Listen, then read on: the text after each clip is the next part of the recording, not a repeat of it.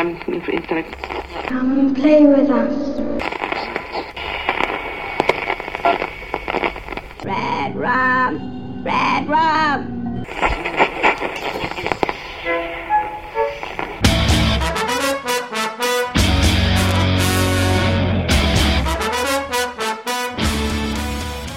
Witam Was, kochani, bardzo serdecznie w 229 odcinku podcastu Radio SK. 16 marca, czyli nieco ponad tydzień temu, ukazał się w sprzedaży szósty tom komiksu Amerykański Wampir.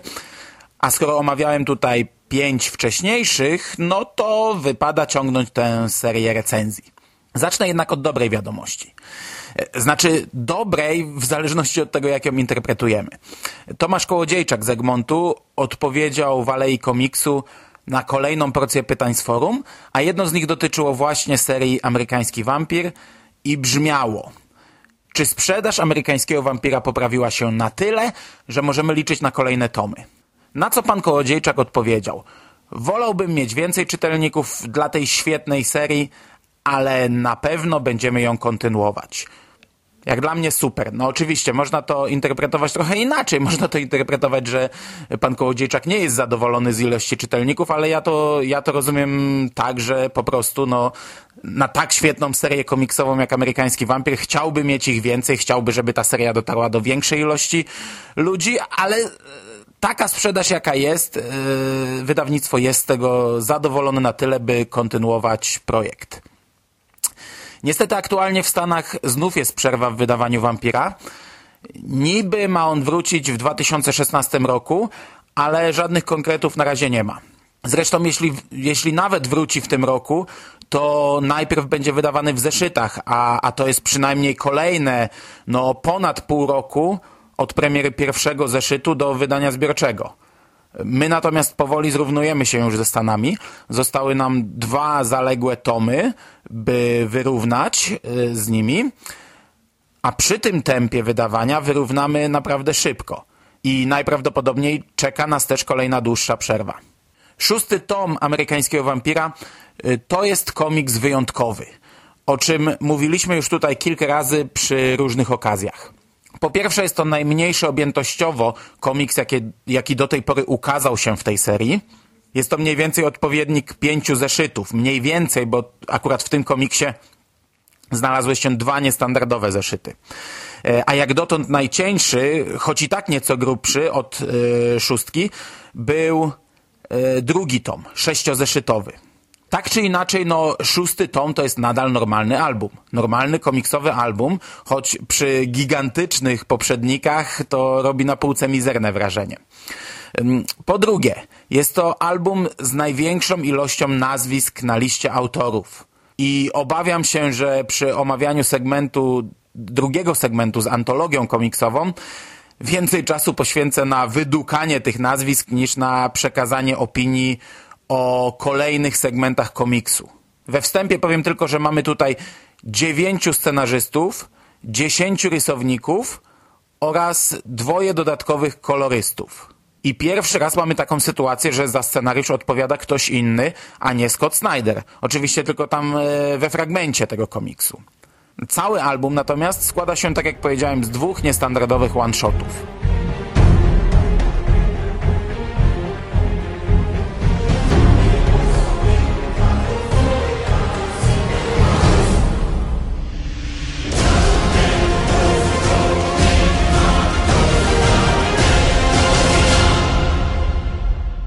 I tak, na początek mamy długą drogę do piekła.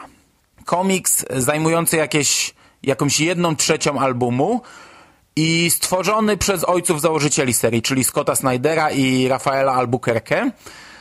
Akcja rozgrywa się w 1959 roku. Jest to historia zakochanej pary złodziei, Jelaine i Billiego Boba, którzy okradają bywalców z Pelun, i zbierają pieniądze na wymarzony ślub. Podczas jednego z takich wieczorów trafiają na grupę wampirów. Ci przemieniają ich, prowadzą do swojego gniazda, w którym dochodzi do zamieszek pomiędzy wampirami.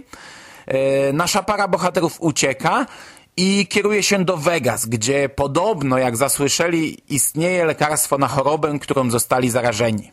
I od tej pory zmagają się zarówno z y, szukającymi ich władzami, ścigającymi ich wampirami, jak i z samymi sobą, gdyż bohaterowie nie zostali wprowadzeni w nowe realia. Nie wiedzą, co dokładnie im dolega i jak sobie z tym radzić.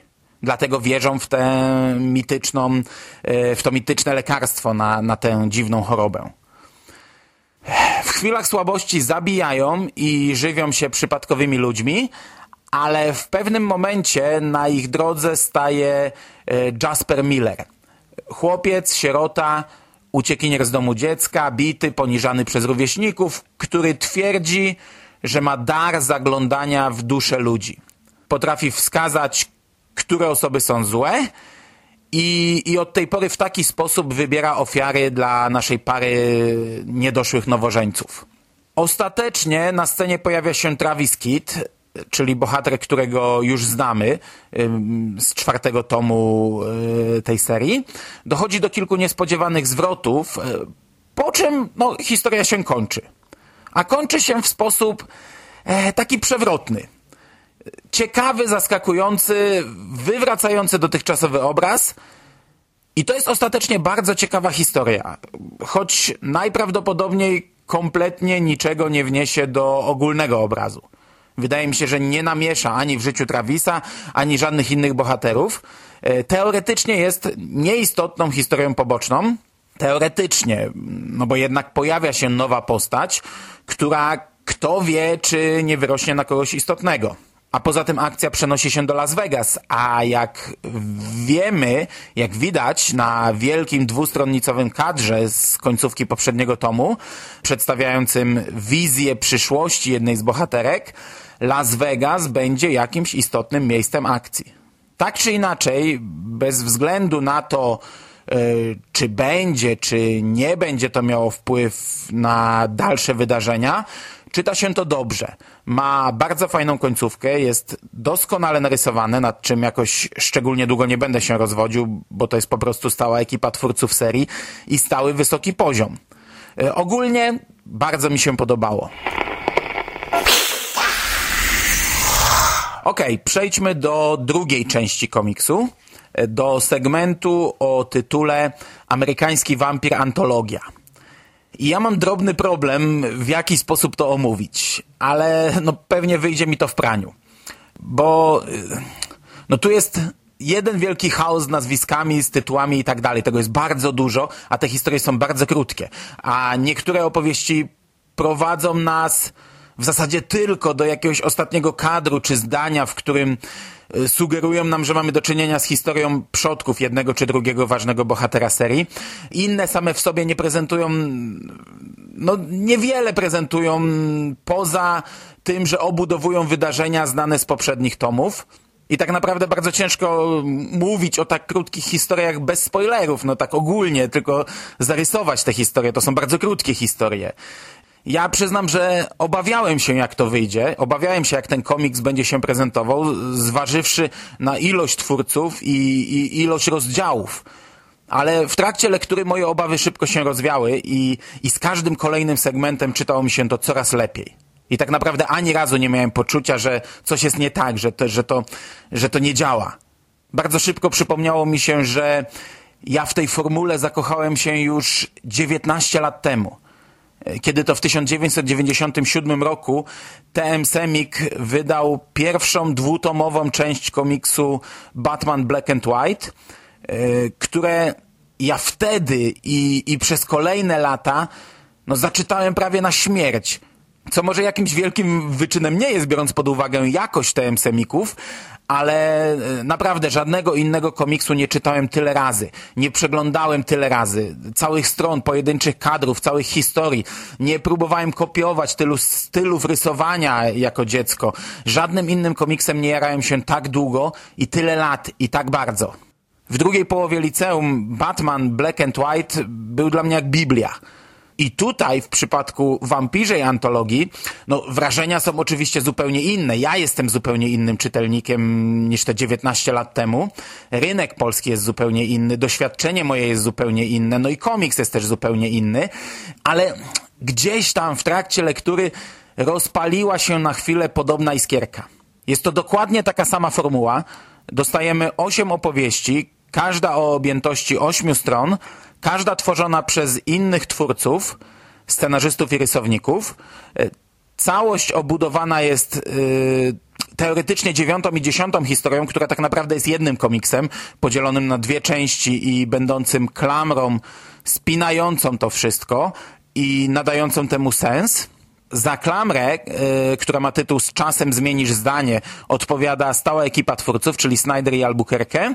I jest to też najkrótszy segment, pomimo że podzielony na dwie części. Pierwsza część ma cztery strony, a druga dwie. Czyli nawet łącznie jest to najkrótszy segment. Jest to wprowadzenie, w którym czytamy narrację z offów, w której y, Skinner Sweet mówi, że kiedyś wyobrażał sobie, że wielkość człowieka ocenia się na podstawie ilości i jakości historii, jakie na jego temat są przekazywane. Y, no i dalej otrzymujemy właśnie zestaw takich historii. I ja właśnie stwierdziłem, że nie będę ich omawiał jedna po drugiej. Tytuł, twórcy, zarys, fabuły i moje zdanie na ich temat, bo to się mija z celem przy tak krótkich komiksach i najprawdopodobniej słuchałoby się tego źle przy takim natłoku informacji. Wspomnę tylko, że wśród scenarzystów znalazł się Między innymi no, stały rysownik serii, czyli Rafael Albuquerque. Jest też Jason Aaron, y, znany obecnie z wydawanej u nas serii Wolverine i X-Men, czy głównej serii nowych komiksów Star Wars. Jest też między innymi Greg Ruka, znany, lubiany i bardzo dobry scenarzysta komiksowy. Jedyne, czego w tym komiksie, no może mi zabrakło, to jakichś krótkich notek biograficznych na temat każdego z tych panów. Coś takiego mieliśmy w Batman Black and White i ja jako wtedy e, nowy czytelnik komiksowy, który no w 97 roku nie miał dostępu do internetu, to, to była dla mnie e, no pewna skarbnica wiedzy na, na temat tych panów. E Teraz oczywiście mogę sobie ich przegooglować, ale gdyby zrobić takie jakieś krótkie strony z notkami biograficznymi, to nie musiałbym tego robić, miałbym to pod ręką. E, wracamy do komiksu. Dostajemy tutaj też kilka bardzo odmiennych stylów rysowania. I na tym polu najbardziej wyróżnia, wyróżnia się Ivo Milazzo i Ray Fawkes, którzy prezentują coś całkowicie odmiennego niż to, czym do tej pory charakteryzowała się ta seria. I dla mnie to jest super. I tego właśnie oczekuję po takiej antologii. Między innymi za to tak pokochałem też antologię Batman Black and White. Że nawet jeśli jakiś styl rysowania był na przeciwnym biegunie tego, co ja lubię w komiksach, to była to tylko próbka. Osiem stron, nowa wizja, nowa interpretacja tego świata. I im więcej skrajnych i, i różnych interpretacji w komiksie tego typu, tym lepiej. To naprawdę nie wpływa na lekturę, nie czuje się przeskoków, nie wybija się z rytmu, nie czuć zgrzytów. To takie ma być. I to się czyta doskonale i zadziwiająco płynnie. Chronologicznie dostajemy tutaj ogromną rozpiętość czasową. Najstarsza opowieść rozgrywa się w 1588 roku. Jest też rok 1856, 1877, ale też kilka historii z pierwszej połowy XX wieku. Te najstarsze prezentują głównie przybycie tradycyjnych wampirów do Ameryki y, wraz z, osadnikami przybywającymi na Nowy Ląd, ich zatargi z rdzennymi mieszkańcami Ameryki, a wśród tych komiksów znajdują się też wspomniane losy przodków kilku znanych nam bohaterów. Y, są opowieści dotyczące Skinnera, jego życie jeszcze na Dzikim Zachodzie, dlaczego pomyślał o podróży do Kalifornii. Są też historie rozbudowujące pierwszy tom tej serii geneza Hamiltona, filmowej gwiazdy, która przyczyniła się do przemiany Pearl Jones. Jest też krwawa, brutalna historia przyjaciółki Pearl, Hetty. Jej pierwsze kroki w przemyśle filmowym i zemsta na ludziach, którzy przy tych pierwszych krokach byli. Sam finał antologii zwiastuje, zwiastuje nam też pewien nowy początek. I jest to dobre zakończenie. I ja mogę śmiało powiedzieć, że, że jestem zachwycony tym komiksem. Obawiałem się go, nie wiedziałem czego oczekiwać, cieszyłem się na myśl o pewnym eksperymencie, ale jednocześnie obawiałem się jego wyniku. a ostatecznie dostałem dużo więcej niż gdzieś tam po cichu liczyłem, że dostanę. Bardzo fajnie, że taka forma dała nam możliwość zobaczenia różnych interpretacji tego świata, bo za podobnymi eksperymentami na większej płaszczyźnie, no, przepadam nieco mniej. Tutaj przykładem niech będzie pierwszy komiks z czwartego tomu, Bestia w jaskini, w którym poznajemy młodego Skinnera i młodego szeryfa Buka. Znaczy wtedy jeszcze nie szeryfa. E, antologię czytało się świetnie, oglądało równie dobrze.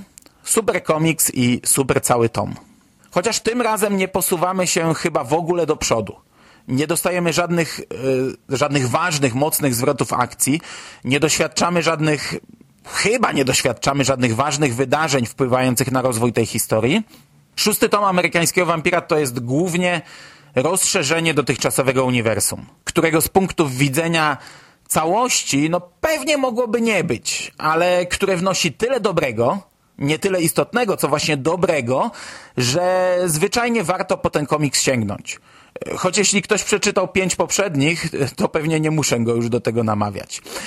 A jeśli ktoś nadal nie zdecydował się na lekturę, to uświadamiam go tylko, jak duży błąd popełnia i jak wiele traci. Na dzisiaj to już wszystko, moi drodzy. Dziękuję za uwagę.